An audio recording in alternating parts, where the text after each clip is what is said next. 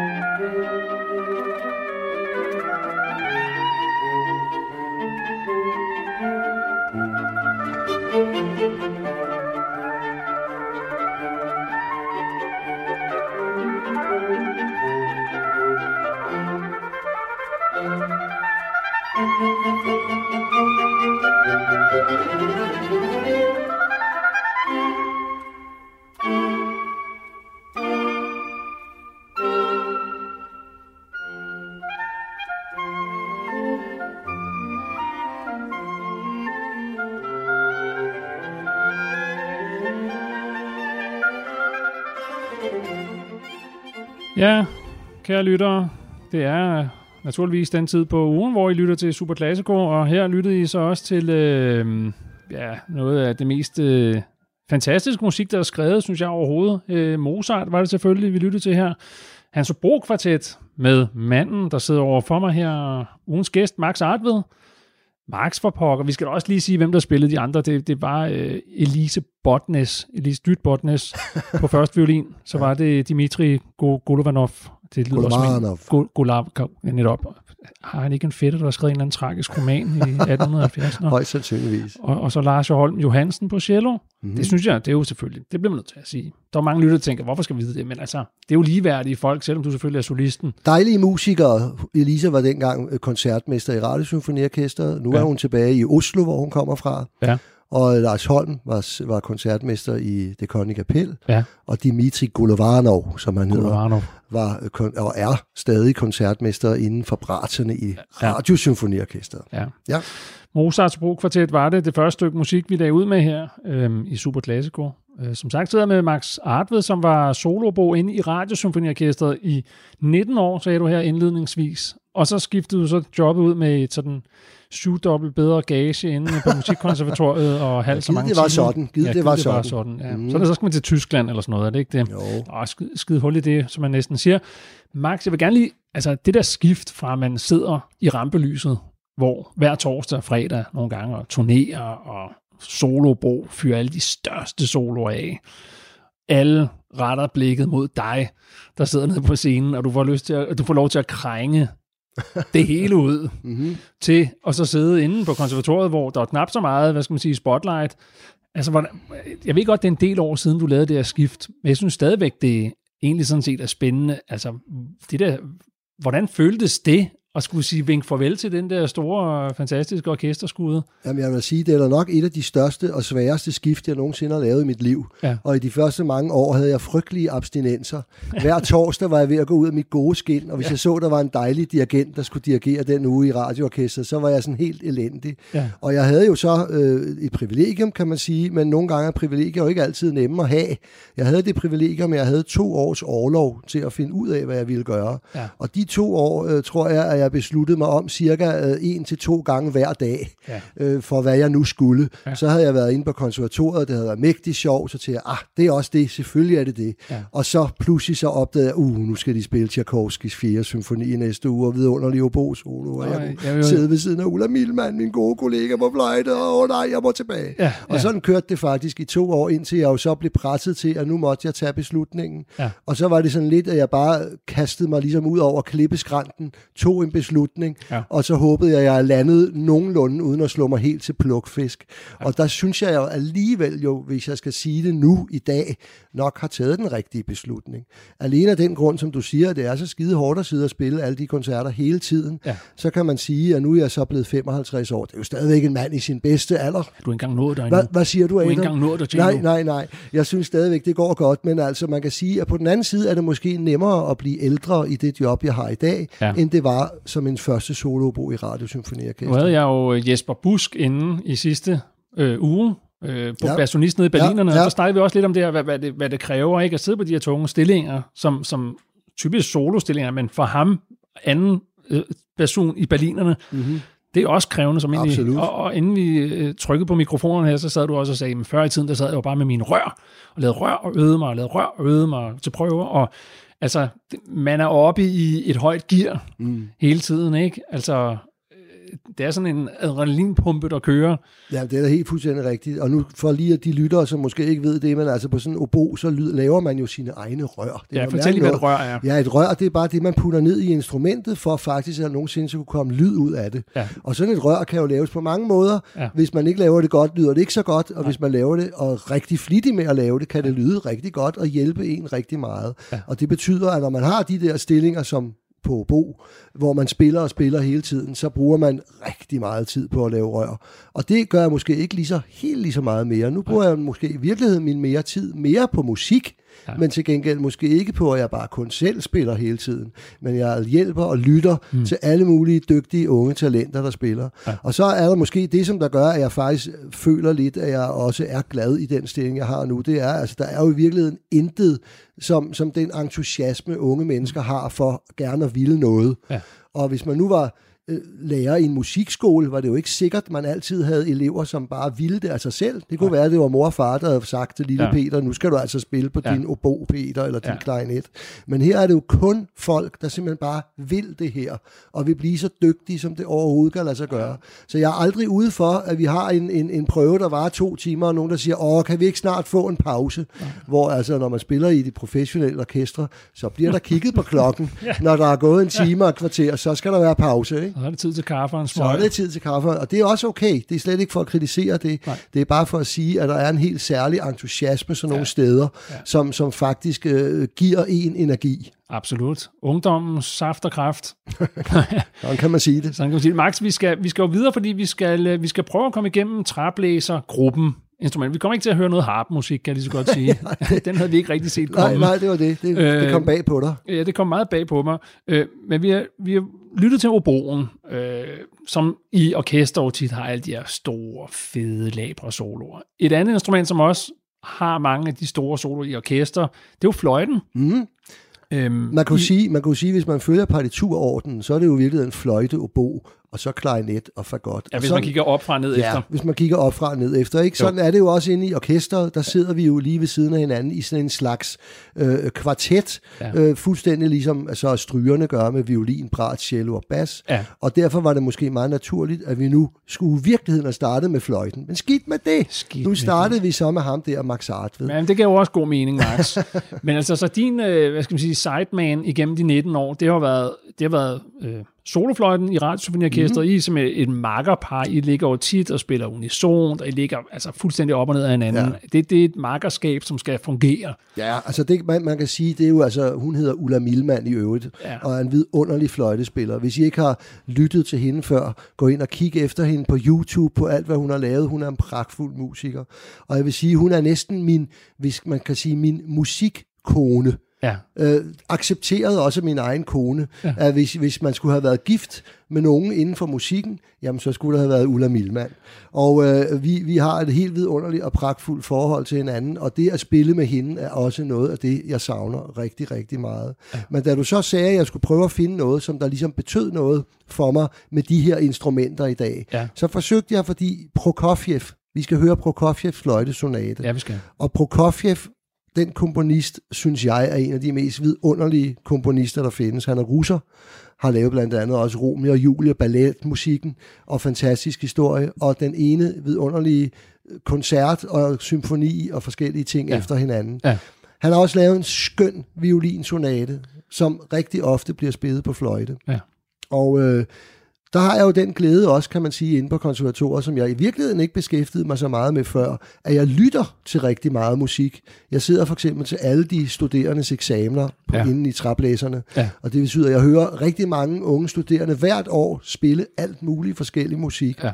Og Prokofjev fløjtesonate er en af dem, der bliver ofte bliver valgt, ja. både fordi den er svær selvfølgelig, ja. men også fordi det er så god musik. Ja. Og det er jo en skøn ting. Tænk at få lov at høre alt det musik. Og jeg må sige, at jeg har kommet til at kende meget mere musik at kende, efter jeg fik det her job, end jeg egentlig kendte før. Ja. For der var man jo sådan lidt som professionel musiker jo tit. Du kender jo bo Vi kender jo bo ikke? Det vi selv spiller, det du ikke? Godt. Og så det, der bliver sat foran os, ja. den symfoni, som nu en dag ja. bliver valgt, og ja. selvfølgelig lærer man mere og mere musik at kende. Ja. Men herinde må man jo på konservatoriet virkelig nødt til at sætte sig ind i utrolig meget musik, ja. også for at kunne undervise i det. Selvfølgelig. Men lad os, øh, nu kommer vi jo til at lytte ikke desværre til Ulla Milman, fordi det første satsen, som er, er så lyrisk og smuk og alt muligt. Jeg søgte efter hende på YouTube og kunne kun finde tredje og fjerde satsen. Jeg synes, det skulle være første satsen. Åh, Ulla, du må undskylde, ja. hvis uh, du har indspillet den, for så skulle det selvfølgelig have været dig. Nu er det så en, en, en anden fløjtenist, som der spiller næsten lige så godt kun som Ulla. Næsten lige så godt. Kun næsten lige så godt. Han hedder Emanuel. Han hedder Emanuel. Emanuel Pahu. Og han spiller i Berlin og Philharmonikerne. Ja, det gør han. Men de har spillet sammen, de to faktisk. Flere ja, ja. lejligheder. Jeg har, jeg har engang optaget de to faktisk, ja. hvor de står og spiller duetter. Altså, mm. jeg vil mhm. aldrig glemme det til den dag, jeg går i min grav. Altså, det var et meget specielt øjeblik. Men altså, de to, de kender også hinanden vældig godt. Det gør de. Skal vi ikke lytte til den, og så kan jo, vi snakke bagefter? det gør vi.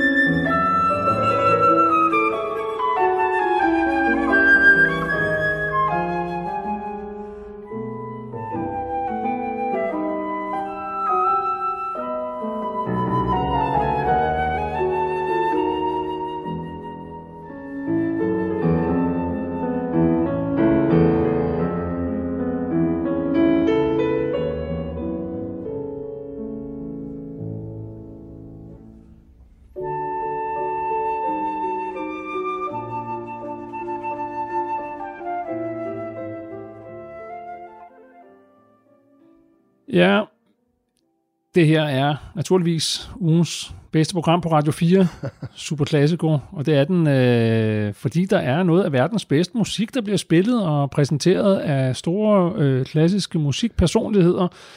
I denne her uge er det, øh, er det Max Artved, der er min gæst, øh, tidligere solobo i Radiosymfoniorkestret. Jeg plejer at sige, at vi aldrig må nævne radioensemblerne, fordi de får så vanvittigt meget PR over hele landet.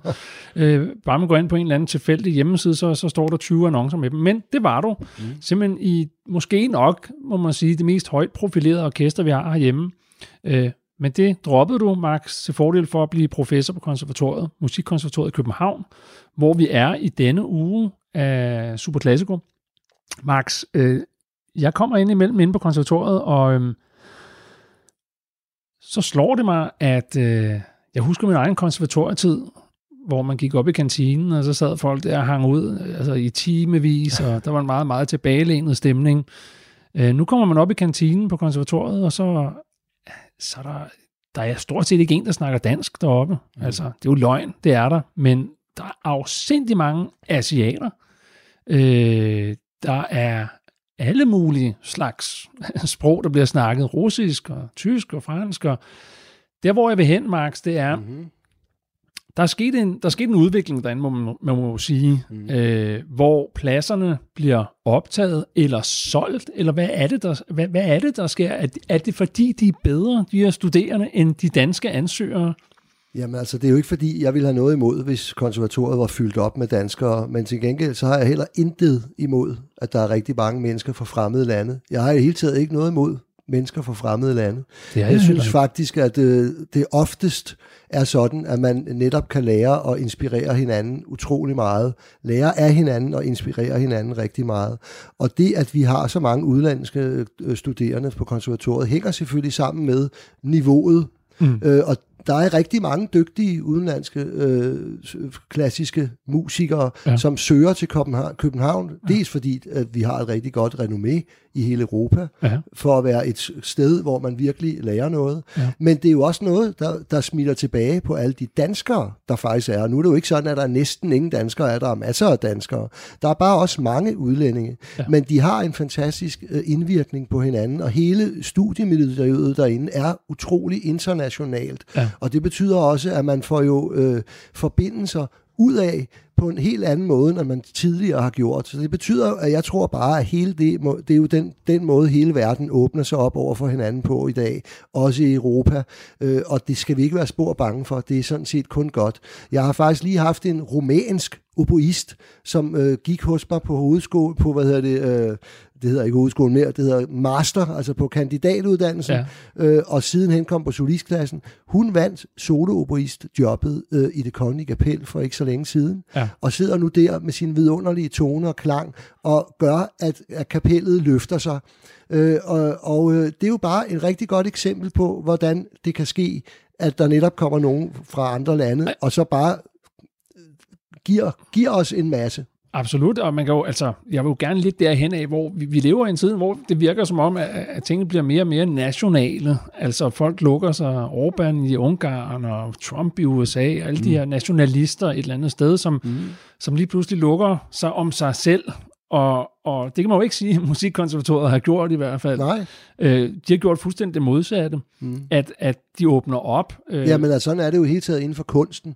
Der har jo aldrig været nogen inden for kunsten, der var bange for at åbne op og lade sig inspirere af andre. Nej. Og alle kunstnere har altid rejst rundt og taget med hjem, hvad de, hvad de så, og brugt det i deres kunst. Ja. Og det er jo sådan, vi skal være, også mennesker. Og så kan man så bare håbe, at det er også den anden vej, at danskere kan få lov til at gå ud og, og lade sig inspirere andre steder. Jamen, det er der jo ingen tvivl om. Ja. Og vi, vi har jo masser af danskere, rigtig dygtige danske studerende, som kommer ud og studerer på nogle af de store øh, udenlandske konservatorier. Nogle bliver, nogle kommer hjem, øh, og sådan er det bare i dag. Og jeg tror sådan set, at det er, selvfølgelig har du fuldstændig ret i, at der er mange nationalister, og der, bliver, der er mange steder, hvor man lukker sig om sig selv og mm. i sin egen lille glasboble. Mm. Men omvendt vil jeg sige, jeg tror ikke, det er så meget inden for ungdommen faktisk.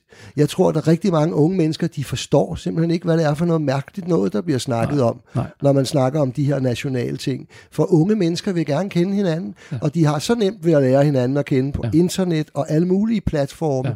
så der er overhovedet ikke nogen frygt for det.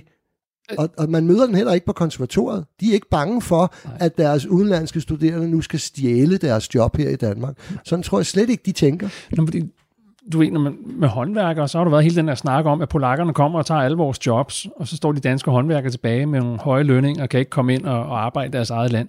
Så, så tænker jeg tit, så skulle I komme og se, hvordan det er i symfoniorkestrene. altså hvis du tager til Aalborg Symfoniorkester, der er jo en, en, en majoritet af udlændingen deroppe, øh, i forhold til danskere. Så det er jo noget, vi har kendt til rigtig, rigtig lang tid i vores verden, synes jeg. Så længe jeg kan huske, og det plejer jeg at sige, det er foruroligende, øh, deprimerende lang tid tilbage. Dengang vi spillede, hvor jeg var inde i radioen hos dig i en, en periode, der var der også masser af udlændinge, øh, som jeg husker det.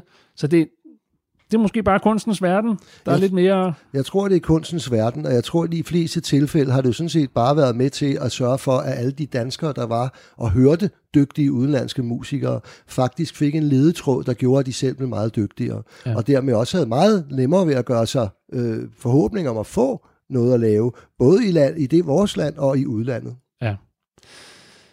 Max Mm. mm. Artved Nu skal vi videre til noget, der er lidt sjovt. skal vi sgu noget sådan Ja. sjovt. Det skal ikke, det er jo ikke et politisk øh, Nej, det er det ikke. Det er jo ikke et øh, politisk propagandaprogram. Ja, Det, sagde mig ikke, Sudvind. det har jeg ikke sagt ja til. Det, det, det er det overhovedet ikke. Men, men det, det, hæng, det er jo altid interessant alligevel, ja. synes jeg, fordi tingene ændrer sig inde på konservatoriet. Altså, det har ændret sig øh, i forhold til, da jeg gik på konservatoriet. Og, og så er det jo selvfølgelig bare at, at se det i det store perspektiv, så man ikke øh, forfalder til at sidde og, og blive en klynke Johnny. Ja, altså der er jo ingen tvivl om, at det hele udvikler sig, og de unge mennesker i dag, nu lyder det som om jeg er 80 år, men altså de er så bevidste om, hvad det er, de gerne vil, hvordan de gerne vil præsentere sig, og hvad deres projekter skal være, mm. på en helt anden måde, end du og jeg var, tror jeg. Altså jeg var jo sim- simpelthen sådan en type, når jeg gik på konservatoriet, det min lærer sagde, det gjorde jeg bare, Ja. og jeg stillede ikke spørgsmål ved det. Jeg gjorde bare, hvad jeg fik at vide, ja. og så havde jeg selvfølgelig nogle meninger, men den holdt jeg sådan mere eller mindre for mig selv. Ja. Sådan er det ikke mere nu. Og det er det ikke. Og det øh, synes jeg sådan set er rigtig godt. Altså jeg kan godt lide en, en fin diskussion med de studerende, øh, nogle gange også om, hvordan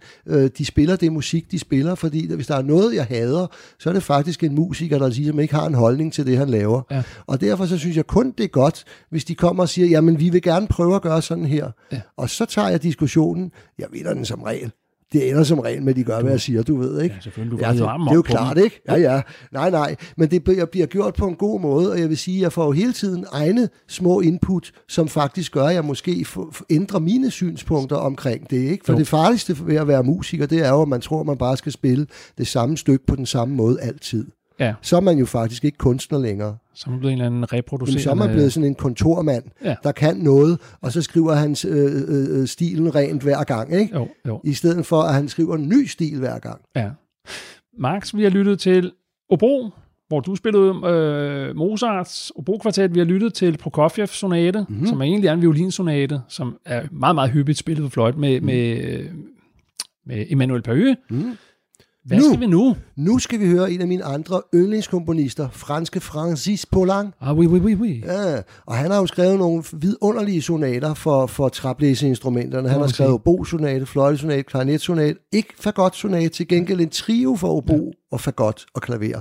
Og han er altid sjov at høre på. Og han elskede faktisk Mozart, og han var kritiseret for at være forståelig i sin måde at lave musikken på. Og det var han rigtig ked af, for han sagde, jamen hvorfor kunne folk så godt lide Mozart?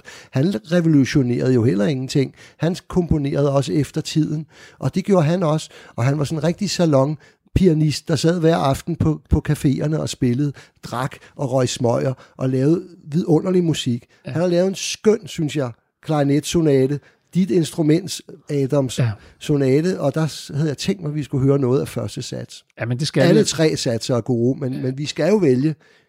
Det første sats er et, et festfyrkeri. Det er sidste sats også. Midtersatsen er uendelig smuk. Mm. Første satsen, ja tak, meget gerne. Da jeg så du valgten, så blev jeg også helt, helt glad langt ind i, i sjælen. Her med øh, Supermanden på klarinet, Martin Frøst. Supermanden på klarinet, og det var sådan set grund til, at jeg valgte ham. Det var jo, fordi han for nylig fik Sonning-prisen, Ja. hvor jeg så var så heldig at være med til at lave noget med en masse klarinetter inden for konservatoriet, Aha. hvor vi stod forskellige steder, og jeg skulle dirigere dem, og de spillede sammen med ham. Og den koncert, den Sonning-koncert, var jo en, et sandt festfyreri over, hvordan man faktisk kan være en vidunderlig musiker og bare spille et instrument, fordi det tilfældigvis er det, man har valgt. Ja. Her kommer han. Øh, Martin Frøst, som spiller Polancs klarinetsonate første sats.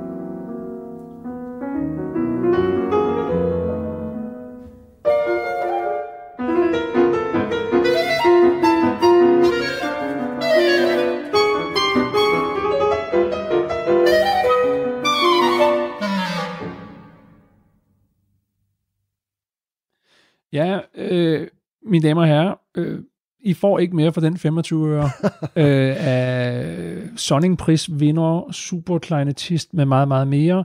Øh, Martin Frøst. Øh, Han kan ovenikøbet stå på rulleskøjler, mens han spiller klarinet, har jeg hørt. Jeg har set ham stå på rulleskøjter, ja. mens han spiller på klarinet. Øh, det kan man sige, det er der ikke så mange, der kan. Nej, Man skal jo skille sig ud, som du også sagde lidt før, og man skal finde sin egen måde at gøre tingene på. ja, altså han kunne muligvis øh, aspirere til at få et øh, job i Cirkus Bennevejs, tror jeg Jeg faktisk. tror, han har vist været der faktisk i adskillige sæsoner. Er det rigtigt? Ja, der havde han Ja. tid og ro til at udvikle klarinetspillet. Så. Ja. ja. Ej, det var Martin Frøst, øh, som, som vidste du jo det, Max, at han, øh, han er ved at blive døv. Ja, jeg ved godt, der er noget med, at han har noget tinnitus eller sådan noget, der har udviklet sig rigtig slemt, ikke? Jo. Og det er en rigtig sørgelig historie. Jeg ved faktisk ikke helt, hvor, hvor han er i forløbet, og hvor slemt det står til lige nu. Altså det, jeg har hørt, det nu, nu lige slad og klassisk musik. Klassisk musikslader, ja. ja. At det startede som en tinnitus, og så har det udviklet sig til en øresygdom, Åh, som nej. medfører døvhed. Nej, Og det er jo ligesom, frygteligt. altså, den kender man jo i, i, i Beethoven. Beethoven er jo lige været oppe nu for tiden jo, Og det kan man sige, med hans fejring, ja. ja, Øh, er det 200 året, ikke? et eller andet 250, Ja, 200, ja, det kan- 300, 300, 400, 400. er der nogen højere? Men Nej. i hvert fald, han var jo helt døv, mens han for eksempel skrev hans helt utrolige 9. symfoni, kæmpe, kæmpe symfoni, uden at kunne høre noget som helst. Hans sene klaversonater, uden at kunne høre noget. Men spørgsmålet er, om man kan spille på klarinet, uden at kunne høre noget. En ting er, at man kan komponere og have det inde i hovedet. Men kan man også producere en klang, som skal leve op Nå. til noget? Se, det ved jeg jo faktisk ikke, om man kan. Det kan være, det er meget værre som musiker, end som komponist. Det, det har du højst sandsynligt en pointe i, mm-hmm. tror jeg. Altså, fordi øh, det er jo skide nemt at komponere. altså, det, Det kan, det de kan man jo altid, altså hvis man ikke kan blive til andet, kan man jo altid, som vi sagde blandt musikere, kan du ikke spille på obo, kan du ikke spille på klarinet, kan du simpelthen ikke blive til andet, så kan du altid blive dirigent. Det sagde min gamle far også. ja, Så kunne man jo så videreudgive den, og ellers så kan du så begynde at komponere. jeg kan faktisk godt huske nogle af de der røverhistorier, du netop, en af dem, du nævner der, det kan jeg da Ja. godt huske. Altså, øh, der, der bliver slået hårdt ned på dirigenter generelt inde i orkesterverdenen. Ja. Er det ikke rigtigt? Jo, men det kan man også måske forstå. Man skal tænke på, at i et, et symfoniorkester, i modsætning til et, et rockband, hvor der måske er fire eller fem, ja. så er der et 100 musikere cirka i et symfoniorkester. De har alle sammen uddannet sig gennem mange år for at blive så dygtige, som de overhovedet kunne blive på det her instrument. De har ja. kæmpet for at få ja. et job, ja. gået til den ene konkurrence efter den anden. Så sidder de der. Og så kommer der en mand, som så skal bestemme over alle 100. Det skal der alligevel noget til. Ja, men det, han, det, han, det, han skal have noget at have det i. Ej, det kan man, man ikke sige det? Jo, det kan man godt sige. Så hvis han pludselig kommer der og slår sådan lidt halvdårligt og siger nogle mærkelige ting og sådan noget, så er der ikke så langt hen til, man tænker, ah, vi klarer den sgu uden ham. Vi klarer den fint uden, uden ham. ham. Det... Man kan også sige, hvad er, hvad er en dirigent uden et orkester? Ja. Hvorimod et orkester uden dirigent, det er stadigvæk noget. Hey, der har du en point, du så. Ja, det var, det var ja, det, har du, det har du ret i. Det er, en, det er en absurd arbejdsform, ja. og den er så ufattelig fascinerende, når den fungerer. Ja. Og den er så dybt frustrerende, når den ikke fungerer. Ja. Og det er jo det, en hver god leder, han er jo elsket. En rigtig god dirigent, han er jo elsket af sit orkester. Ja. Ikke? Og, og, og, men det viser bare, hvor svært det er at være leder. Og jeg ved jo også fra undersøgelser, at der er jo ikke noget, som man bruger så meget tid på, også på arbejdspladserne, som at snakke dårligt om sine ledere. Nej. Altså simpelthen fordi, det er bare svært at være leder, ja. og samtidig være populær. Og, og her i orkesterverdenen, så er det her og nu. Det ja. om, det er ikke noget med at lægge en langsigtet strategi over flere år. Det er ren diktatur, kan man sige, ja. når, det, når, når sådan en prøve kører, og en dirigent han står der. Der er ikke noget med at spørge, hvad synes I? Hvad er I tilfredse med min beslutning? Nej. Kunne vi gøre det på denne her måde? Nej, det er, jeg vil have det på den her måde, og de skal være på den her måde, og han kan slå af, han kan høre folk alene, han kan på folk, nærmest sende folk ud af døren, ja. hvis han ikke gider se på dem. Ja. Så det er virkelig det er en diktator, man hyrer til at lave en koncert øh, om torsdagen, normalt med fire dages prøver, og han har fuldstændig altså frit lejde, ja. stort set. Ja. Max, øh, Martin Frøster og Poulenc, der er mange, der ikke ved, hvem Poulenc er, fransk komponist, og som du også sagde, inden vi satte øh, skiven på, altså fabelagtig, meget, meget elsket, men ikke nær så kendt selvfølgelig sådan i, i, i folke, øh, hvad skal vi sige, i, i, ude blandt folket som Mozart og Bach og Brahms og de her store koryfæer. Mm-hmm. Men altså, det er da fantastisk musik. Ja, men jeg elsker det. Og øh, nu skulle vi jo så i virkeligheden videre til øh, netop at høre faktisk en anden fransk komponist. Hvem er det? Det er en, der hedder Camille Saint-Saëns. Ja. Og han er om muligt endnu mindre kendt, tror jeg, mm. end Poulenc. Ja. Øh, og, og man kan så også diskutere, om han er lige så god komponist. Men han har skrevet nogle små, øh, vidunderlige øh, mirakler, øh, og blandt andet har han lavet en skøn øh, fagot-sonate. Og bare nu, når jeg siger fagot, kan jeg vide, hvor mange mennesker, der overhovedet ved, hvad en fagot er. Ja. Men det er jo den her store øh, øh traplæser, som er den dybe. Øh, både i de fleste, for eksempel i en blæserkvintet, har han bassen, og også i orkestrets traplæsergruppe, den dybe stemme. Ja. Og når man spiller sådan nogle dybe øh, instrumenter, kontrabas, fagot, ja. øh, bas, basun, tuba, ja. så er det jo begrænset, hvor meget musik, der er lavet til en solo. Ja. Øh, og det betyder, at det er meget ofte der, at vi finder de sådan lidt mere ukendte komponisters chancer og muligheder for at lave noget, som der bliver lagt mærke til. Ja. Jeg tror for eksempel ikke, der findes nogen fagotkoncerter af hverken øh, Brahms eller Beethoven, eller øh, på den måde, altså store malere eller store nej, nej. komponister. Men øh, faktisk har Mozart, som jo stort set har lavet en koncert for alle instrumenter, har også lavet en fagotkoncert. Ja. Men Camille Saint-Saëns har lavet en rigtig charmerende, vidunderlig lille fagot sonate, som i øvrigt bliver brugt næsten altid, når der er konkurrencer til orkestre, ja. om at konkurrere sig ind. Ja. Øh, og rigtig tit øh, til eksamener på Musikkonservatoriet, hvor jeg har hørt den i mange forskellige udgaver. Ja. Hvem, hvem skal vi høre med her? Der skal vi faktisk nemlig høre det med, nu kunne vi ikke høre Ulla Milman før, men der skal vi høre det med en af mine andre helt store yndlingsfagotister, som faktisk er solofagotist inde i Radiosymfoniorkester. Han startede næsten samtidig med, at jeg holdt op. Ja. Sebastian Stevenson hedder han. Ja. Han er svensker, øh, vidunderlig øh, ung og vid, pragtfuld fyr, som spiller skønt på sin fagot. Sidste år, eller forrige år, tror jeg, han var valgt til at være årets kunstner i Sverige. Ja. Med rejste rundt i hele Sverige og var solist med orkestre og så videre. Og ham fandt jeg faktisk øh, på YouTube her i går aftes, da jeg skulle kigge på øh, stykker til i dag, at han faktisk stod og spillede den der helt live. Så der er ingen snyd. Lad os lytte. Mm-hmm. Mm.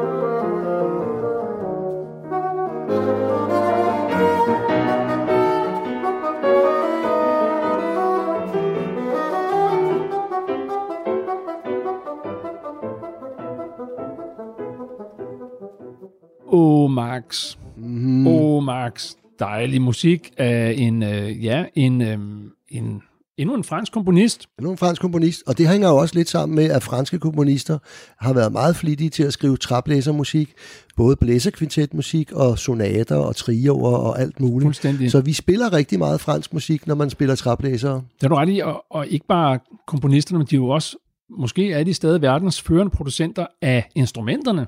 Ja, I hvert fald nogle og oboer, også klarinetter. faktisk af musikerne. Der er jo rigtig Ja. mange af de helt store øh, stjernemusikere, der altid og stadigvæk gør, kommer fra Frankrig. Ja. Øh, det er rigtigt nok også, hvad du siger, både øh, Buffet og Marigot og alle mulige instrumenter, vi kunne nævne. Det var obo og klarinet, jeg her nævnte. Selmer, saxofon. Selmer saxofon. Det bliver produceret i Paris ja. og i Frankrig, Ja. øh, og man tager derned, når man skal købe instrumenter, og det er selvfølgelig også derfor, at der bliver produceret masser af gode musikere dernede, der spiller på de instrumenter. Hele økosystemet hænger sammen. Det kører på den måde også, ja. Ja, ja. Jeg sidder her i Super Classico øh, sammen med Max Artved, mine damer og herrer. Øh, fremragende musiker, oboist, og nu underviser mere fokus på den del af, af musikfødekæden, øh, fødekæden, kunne vi sige.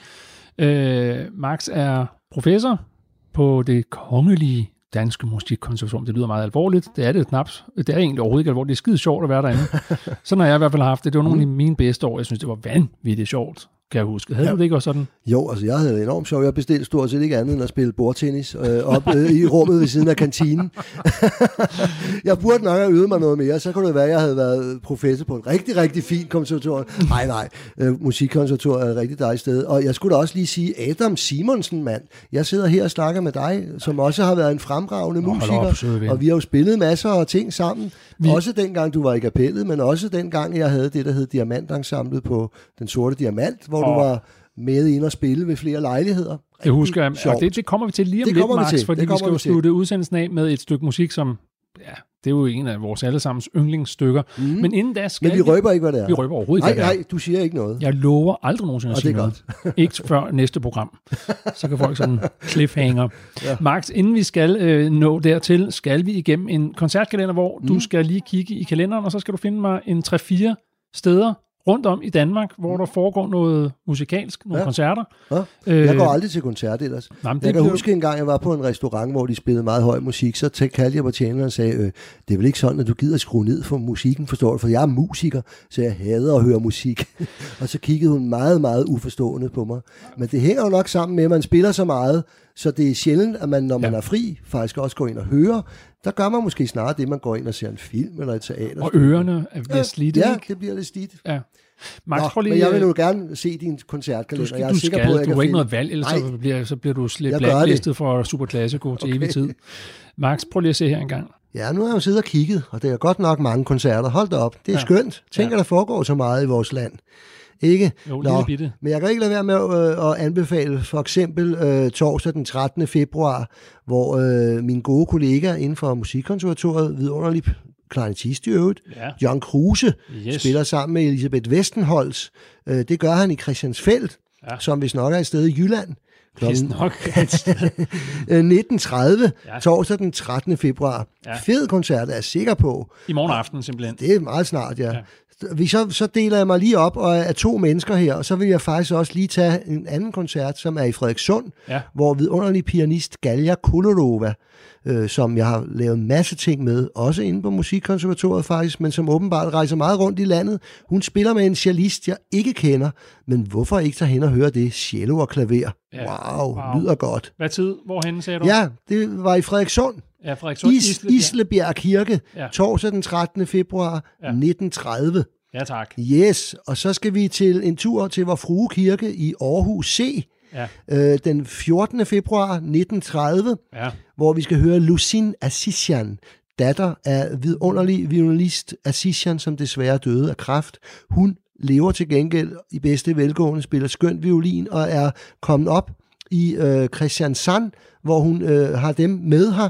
Christiansand Symfonietta spiller hun de fire årstider, og med hende, det kan ikke blive andet end godt. Nej, Nej, det, nej, nej, nej, nej. det vil jeg meget gerne faktisk over at høre. Ikke? Jo, Og så slutter vi af med en øh, duo, som både du og jeg har undervist, ved jeg. Ja. Vores børn, kan man næsten kalde dem, ikke? Jo, jo. Michaela Hansen og Louise Anine Mogensen. Ja. De spiller i den efterhånden ret kendte inden for klassiske kredse duo Ventus.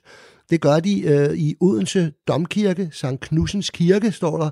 Øh, Klosterbakken 2, Odense C, lørdag den 15. februar klokken 15. 15 er det. Og det kan vi lige sige, at det er klarinet og fløjte. Ja, Du, og det er jo, det er jo sådan en lidt, øh, det er jo sådan en lidt øh, atypisk duo, kan man vist roligt sige. Men Ja. de, de gør det jo simpelthen fuldtid. De, de har bare kastet sig ud i det der, og de startede med at have et års overlov, kan jeg huske. Jeg tænkte, kan jeg vide, hvordan de skal gå? Og så kom de tilbage, og jeg ved ikke, hvad der var sket.